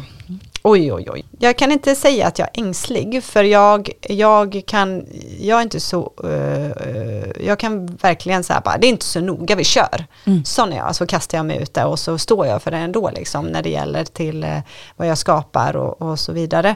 Men min självkänsla är väl, jag ju, känner mig alltid att jag liksom så här inte är tillräckligt bra, Mm. typ så. Vill alltid bli lite bättre. Men jag tror att det är, är också bra, för det är oskönt om man går runt och känner att man är Bäst. bäst. Ja, Samtidigt det som man ska vara nöjd med sig Ja. själv och stolt över det man gör. Så det är väl en Ja, ja, jag, balansgång där. Mm. ja, exakt. Men jag relaterar mycket till det. Att det är så, men det är ju, tänker jag, väldigt mycket av drivkraften också. Alltså det, det är som tveeggat. Att det är ju lite trist att hela tiden så här tvivla lite på sig själv. Ja. Så här, "Åh, är det tillräckligt bra? Nej, jag kanske måste göra lite Ja. bättre. Liksom. Eh, Men det är också det som är mo- motorn många gånger. Ja. Att man liksom kastar sig över nästa grej. Ja, Liksom. och min motor och mitt bränsle i min verksamhet och det väl, har väl vuxit upp eh, längs vägen naturligtvis eftersom jag jobbar med det jag gör. Jag är ju så liksom bekräftelse-junkie, Mm. tror jag alla vi som jobbar med sociala medier, att vi skapar något och får omedelbar feedback. Mm. Just det. på att oh shit, det här var bra. Sen är jag ju inte, när jag är i den kreativa fasen och skapar, så är det inte så att jag, liksom, jag sitter och skapar, skapar för dem. Jag sitter och skapar, skapar för dem. Alltså jag sitter ju och skapar för mig själv, för jag tycker att det är en skön eh, plats att vara på. Jag vill skapa det här rummet, jag vill liksom bygga den här bilden och sånt. Och sen bara så, ah men jag känner så här, jag kan visa upp det här och se vad andra tycker. Och då är det ju en skön känsla, så det är ju eh, två olika rum, om man säger så. Påverkas du mycket av kritik från andra? Mer än vad jag vill, såklart, det tror jag. Ehm, men jag uppskattar ju också det, för jag blir ju alltid lite bättre om jag får kritik. Märker jag själv så här, shit det där gjorde ont, eller det där var jobbigt, så här, ja, man måste bara... Så jag, jag, jag går ju inte ner i källan. Mm. Jag kan ju älta lite grann, Mm. säger min man. Precis, det är från dem man får höra sanningen. Ja. Eh, men, vad, eller, men vad kan det vara? Alltså, eh, skriver följare till dig så här, hörru, med den här bild, det här inlägget tyckte jag inte om, eller vad? Ja, men ibland kan jag få så här liksom, ifrågasättande och, och det är ju väldigt eh, bildande. Det Mm. var bra att man får det. Alltså så här, det, det här tolkar jag så här och det var oskönt. Typ så här, okej, men shit, jag måste ju tänka på Mm. att jag inte formulerar mig på det här sättet. Hur mycket tittar du på vad som funkar? Har du så här tydlig statistik på den här typen av inlägg är mest uppskattade? Mm. Eh, Så de gör jag typ eh, med jämna mellanrum eller hur? Hur? Ja, Mm. väldigt så. Jag, är ganska, jag har vänner som inte är och kollegor som aldrig tittar på statistiken för det gör dem stressade och, och mindre kreativa. Men jag är väldigt mycket så här, ah, vad funkar det inte för? Ah, men jag får testa det här och sånt. Jag använder statistiken som ett jättebra verktyg Mm. i, i mitt, och det är, så är det ju på, i min verksamhet också när det kommer till vad vi producerar. Om en blus inte säljer så börjar jag säga, "Aha, vad gjorde jag där som var inte Mm. riktigt gick hem? Mm. Ska jag fota om det? Ska jag, alltså liksom att man tänker på jag tar det inte så personligt utan mer så här, gud vad, varför flög inte där? Beror det på mig och vad jag har skapat eller beror, kan det bero på algoritmer? Kan det bero Mm. på massa olika omständigheter liksom i världen just nu som gör att inte det här uppskattas och så vidare. Så man får ju inte vara helt så här färgblind för eh, vart man är på för plats just nu utan man får anpassa sig till Mm. Nej, man kan inte samtid. bara sitta Nej. där i sitt fluffiga kreativa rum och Nej, skapa nej. lite på känsla. Nej. Så ehm, ja, men jag är både strategisk och, och väldigt så här, eh, kör på. Mm. Tre sista experttipsen. Ja, är det jag som är experten då? Det är, absolut, du sitter ju i expertsoffan. Vill du tipsa våra lyssnare om något som inspirerar dig? Ja, naturen inspirerar alltid. Mm. Att gå ut liksom och, i skog och vid hav och vara var i, eh, var med dig själv. Det inspirerar mig. Så Mm. liksom, gå in, gå in, gå inåt för Gå ut för att gå in. Ja men precis. Så här, traska inte runt i storstan utan bara ut i skogen och landa lite. Om man vill närma sig ditt hantverk, att bli influencer och kreatör, var ska man börja? Ja, men då ska du hitta ditt eh, bildspråk. eh, Tycker jag. Alltså hitta ett eh, sätt som du vill kommunicera i bild och text. Först och främst. Och, och börja nätverka. Alltså nätverk är så viktigt i den här branschen. Precis, Bilden är viktigare än texten också. Ja, men texten blir också mer och mer viktig tycker jag. Eller går lite cykler det där. Mm. Alltså så. Men det är ju bilden som först fångar. Ja, Ja. Mm. Bilden går först Ja. i ordningen. ja. Och vilket är ditt bästa tips för att bli mer kreativ? Att inte jämföra sig så mycket med andra människor. För det är väldigt begränsande i kreativiteten att börja liksom inte tycka att man duger och att alla andra gör det så mycket bättre. Att det där, det där är ju verkligen att släcka ut eh, lust och låga. Så eh, fokusera på det du gör bäst och sluta snegla på andra. Tack snälla för att du ville komma hit. Tack så mycket Tack så för att jag fick komma. Kul. Hur, hur känns det? Är du helt slut nu? Ja, det är jag kanske. Du känns, du känns pigg. Ja, bra. Ni vet inte att jag var på Brillo till tolv i natt. Jaså? Nej. Men det är Vi tittar på klockan, jag bara gud vad sent det blev. Jag måste verkligen gå hem nu. Gillade du det här samtalet så ska du trycka på prenumerera i din poddapp så missar du inte nästa avsnitt. Du får också supergärna lämna en recension eh, om du scrollar ner i poddappen. Ge oss fem stjärnor så blir vi superglada och så hjälper du oss att sprida podden till fler. Utsnack, utsnack, utad, utad, utsnack. Jag har skrivit... En ny ny- jingle. Ja, exakt. Skrev den medans jag sjöng. jag, tror, jag tror du snodde melodin. Kände igen den. Bamse. Just det. Hur eh, är läget? Ja, men jag känner mig eh, som vanligt inspirerad. Det känns Mm. så jävla lyxigt med den här podden. Jag hoppas att man upplever det som lyssnare också. Att Ja. det känns så jävla lyxigt varje gång när man får sitta här i, vi sitter och snackar i två timmar eh, och så klipper vi best off till Mm. det som sänds. Eh, men det känns alltid så, man blir alltid så himla inspirerad och det känns så, som så härliga samtal. Jag tycker man alltid man går härifrån uppfylld. Jag kanske ska bli lite vildare med mina tavelväggar. Jag ska sätta upp Mm. en tavelvägg i mitt sovrum nu tänkte jag. Jag kanske ska utmana mig att inte vara så liksom oerhört detaljig med Mm. tumstocken och meta. Men jag kommer inte göra helt fritt. Jag kommer inte go helt wild. Mm. Men jag kanske kan unna mig att testa vara lite mer Kan vara någon millimeter fel på någon tavla. Precis, men det värsta som kan hända är att man får flytta på tavel, tavlan. Bara. Ja, att precis. mm, den hänger fel. Ja, Nej, ja, fast det är det du inte ska göra. Jo, ska nej, men jag, vill inte, jag vill inte ha det fult för att jag, man vill Vad inte är ligga... fult? Jo, men det, att det var estetiskt otilltalande. Ja, för dig. Ja, för mig, men det är jag som ska bo där. Mm. Ja, Jag- det, den här tavelväggen ska vara liksom i fotänden på min säng, så jag kommer ju ligga och se den varje gång jag ligger i sängen. Ja. Tänk dig själv om man ligger och stör sig varje gång man ligger i sin egen säng. Det Mm. känns ju inte alls.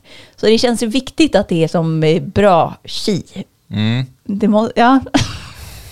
Du vill säga, jag har en, en, en väg att vandra när det Ja. kommer till att minska min perfektionism.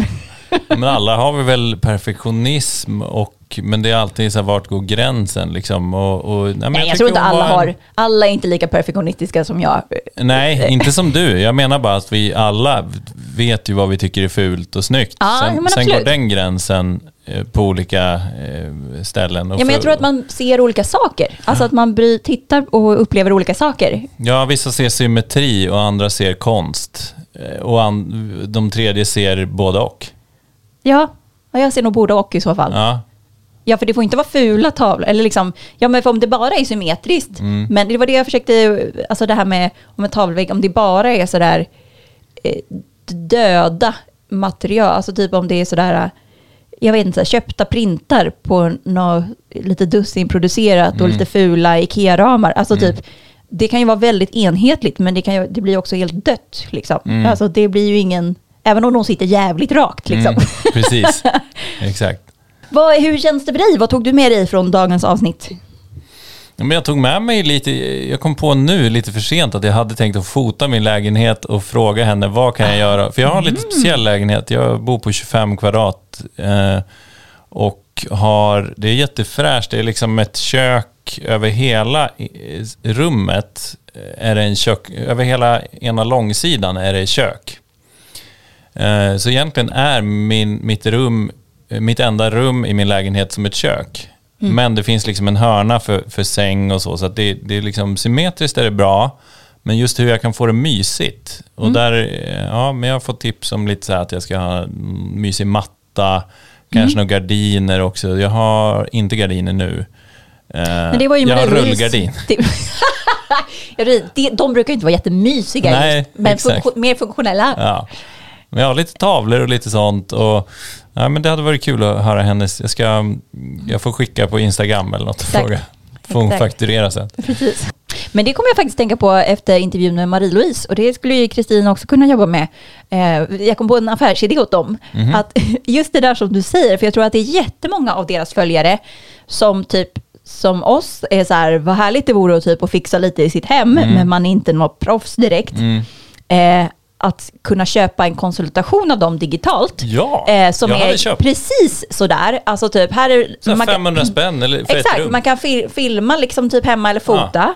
Eh, och så kan, man, kan de få kolla på det Mm. kanske i förväg eller eh, så. Och så kan man få så här eh, fem eh, svinbra tips eller liksom, eh, ja men de här grejerna tycker jag att du ska göra. Alltså, Den så här det blir, mattan, man får en inköpslista nästan. Ja, det kan man kanske också få. man kanske skriver sin budget också. Ja, nej, men exakt. Ja, det är, det är smart. Ja. Ja. du ser, för fan vilken bra grej. Och så kan de bara typ ta ett eh, så här Skype, eh, vad är Skype?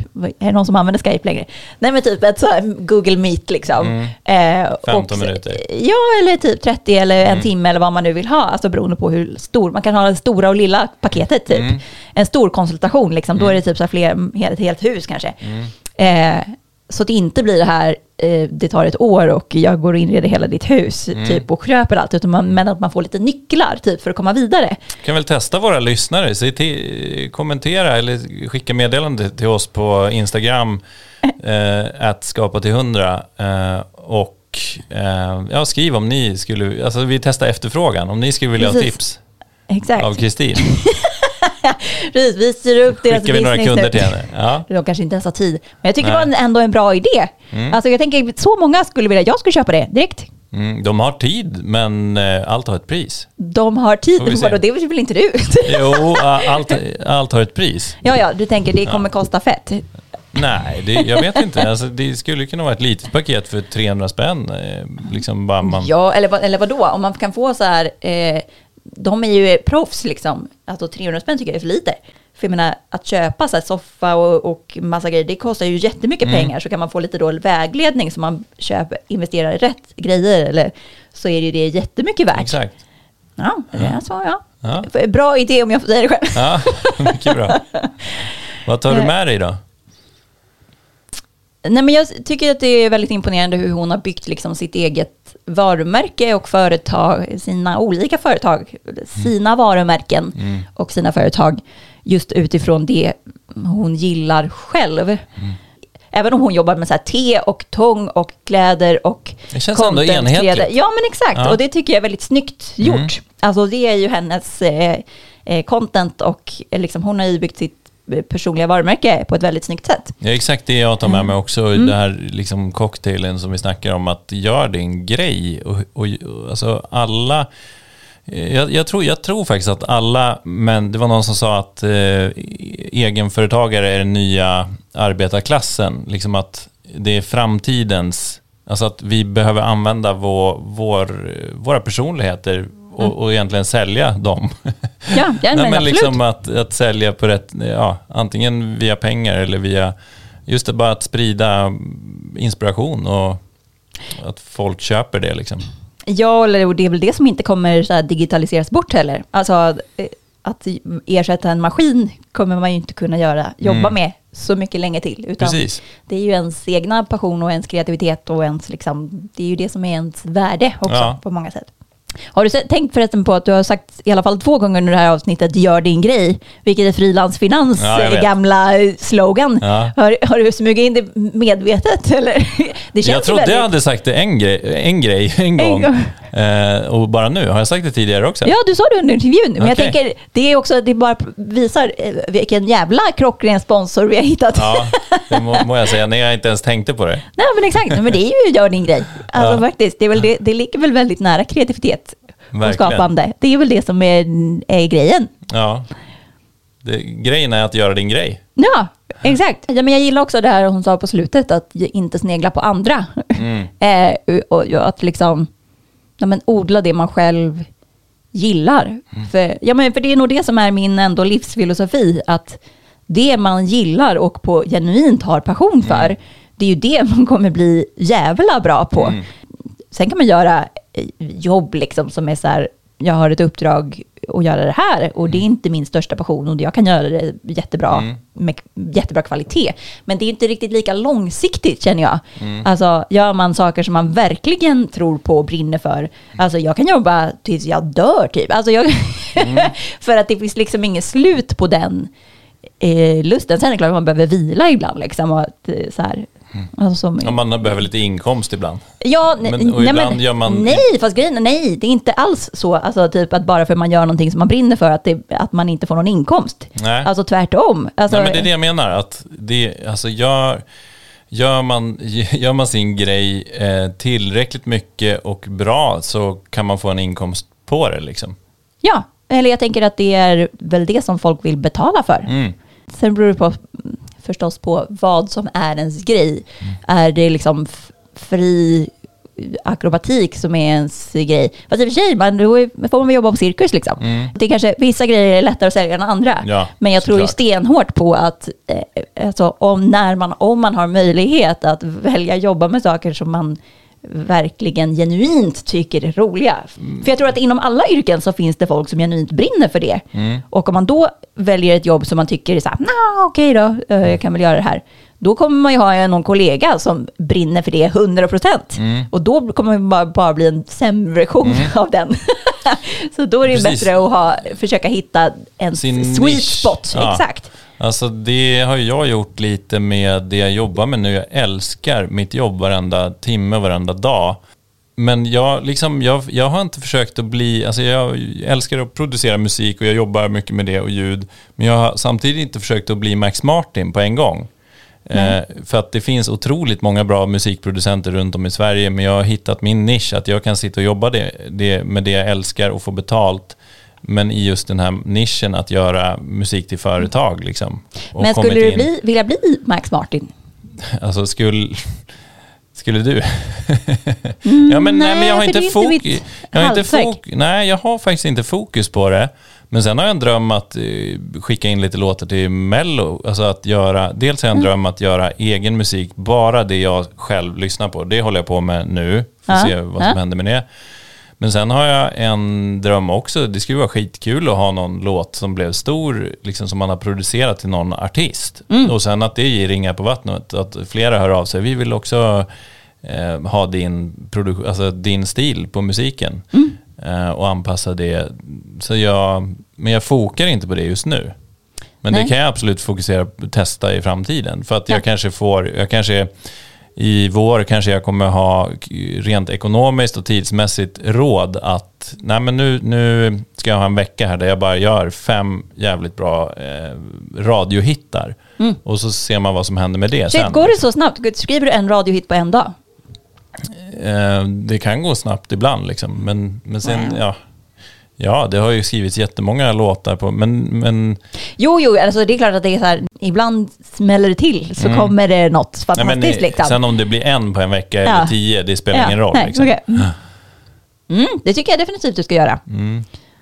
Men det är liksom inte fokus just nu, men jag kanske fokuserar på det sen. Nej, men jag menar det är, det är ju en sak vad man gör nu. Det håller jag på att prata med min kille om. Mm. att man, bo, man måste ha båda perspektiven samtidigt. Mm. Både så här, vad gör vi nu? Vad, hur ser det ut den här månaden? Liksom? Ha det perspektivet, men man måste ju också ha ett perspektiv framåt. Ja, hur skulle vi vilja ha det om tre år? det där har jag svårt för Ja. eh, ibland, att tänka, vad fan, tre år framåt, Ja. det är ju hur långt som helst. Ja, eller så nästa men, år då? Ja, men precis. Ja. Men, men jag har eh, förstått att man kan ju ha olika. Alltså, jag, vill, jag vill inte ha treårsmål för att jag vet att jag kan bli besviken då. Mhm. Men man kan ju ha olika. Man kan ha så här, kanske två eller tre olika alternativ på treårsmål. Mm. Då kanske det blir något av dem och så behöver man inte bli så besviken. Liksom. Men är det, eh, alltså så här, jag kanske säger det också delvis till mig själv, Mm. för jag är jag kanske också som många, att man är rädd för att misslyckas, Mm. fast som är liksom lite irrationell rädsla. Man är mer rädd än vad det faktiskt skulle, det. Det. skulle inte innebära en katastrof egentligen. Ja. Eh, men det är som en in, instinktiv rädsla. Shit, eh, jag kanske misslyckas med det här. Eh, och då känns det safeare att bara göra det som är tryggt. Ja, nej, men jag tänker absolut. att det är därför det är så här, man kanske ska utmana den, den känslan lite. Att är det det värsta som kan hända att man blir besviken? Mm. Alltså, ja men det blev ingen eh, låt eller vad nu fan man vill Mm. göra inom tre år. Men om man typ vågar sätta upp, vågar typ umgås med den tanken Mm. och kanske sätta upp det målet för sig själv, då ökar man ju sannolikheten att man vågar göra Verkligen. eh, aktiviteter i den riktningen. För att oftast så är det ju inte typ det där specifika målet. Alltså det är inte som att va, om inte det hände, exakt det hände inom tre år så kommer allting vara förstört. Alltså, ibland tar ju en livet på andra avkrokar medan man håller på, men typ att våga tänka lite större och våga satsa lite att så här, men vad skulle jag vilja göra? Ah, shit, okej, men kan jag liksom gå i den riktningen? Eh, det tycker jag är, mm, ja, det Ja. funderar jag mycket på. Ja, men det är ju så här visuellt tänkande också att eh, se, man ser sig själv om ett eller tre år liksom vad, Mm. och så fokuserar man på det. Då kommer man ju automatiskt göra val som leder fram till det. Liksom. Ja. Lite Ja. magiskt tänkande kallar vissa det, men det, det är ganska enkelt egentligen med moodboards och allt sånt där. Alltså, har du någon moodboard? Nej, jag har inte det. Jag, Men du har hört att andra ja, har det? andra har det, men jag har det i huvudet. Eller jag har haft, jag, till exempel sen jag var liten och satte mig i pappas studio och så bara, det här ska jag jobba med. Ja. Och så blev det så. Det är jättekonstigt när man tänker efter vilka... Alltså jag har hamnat... Det känns som jag har halkat in på bananskal på väg hit. Ja, jag tänkte på det när hon sa det här att hon, när hon var liten så gick hon omkring och pratade med blommor i, i skogen. Eller vad, namngav blommor, det var vad hon gjorde. Ja. Och hon sa att, ja, men, att typ gräva där man står är att så här, hur kan man göra business på det man gjorde när man var liten? Ja. jag vet inte fan, jag hade ju Majas pysslotek på min fritids. Där har du det. Ja, så jag startade det företaget. Ja. Eh, nej men så jag inte, det känns inte helt tydligt vad jag ska göra. Jag är ju ingen professionell pysslare på något sätt. Men fast i och för sig på Majas pysslotek, det jag gjorde, det var så att jag skrev brev till, till, i, i så skolans brevsystem. Ja. Eh, Så jag satt ju och skrev, Ja. eh, vilket är det jag också jobbar med på Ja. ett sätt. Ja. Eh, Men jag tror att det också var, det var typ en kreativ fristad, att jag typ stängde in mig där själv. Jag vill, alltså, sen var jag ju och lekte med alla andra också. Mm. Men jag gillar ju det här med att bygga något eget. Så att det är väl Det är kanske ju det jag det ska gör. göra. Ja. Det är kanske det hon gör med de där rummen, Kristin. Hon visualiserar ju sina olika rum Mm, som blir... i huvudet. Det är ju precis samma sak kanske, eller jag vet inte. Det är kanske i alla fall liknande att visualisera sin framtid. Mm. Men att man skapar det först i huvudet och sen i verkligheten. Liksom. Mm. Sannolikheten att man lyckas med något. Mm. Alltså, jag tror man behöver vara lite idiot också. Mm. Man, alltså, för det, så, det finns så himla många skäl till att saker inte ska lyckas. Mm. Det kommer aldrig gå, för det är jättesvårt. Eller det är jättestor konkurrens, eller det är whatever. Eh, det kommer inte bära sig ekonomiskt, vad man nu oroar sig för. Men det, de tankarna gör... Ja, det var Anders Klapp som vi intervjuade för ett år sedan. Han sa ju det att ju jobbigare typ ett fotouppdrag eller filmuppdrag är, desto mer vill han göra det för att konkurrensen försvinner. Jaha. Alltså ingen kommer vilja liksom, klättra upp på det där berget och åka ner med kamerautrustning. Så att han blir ju helt ensam om de, det här fantastiska filmmaterialet för att han är den som är så här Vadå, det är klart jag ska göra det, det är inga problem.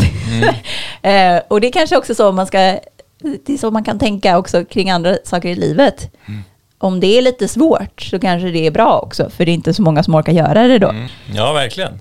Så man kanske ska vara lite idiot och känna så här, vad fan, jag gör det ändå. Skapa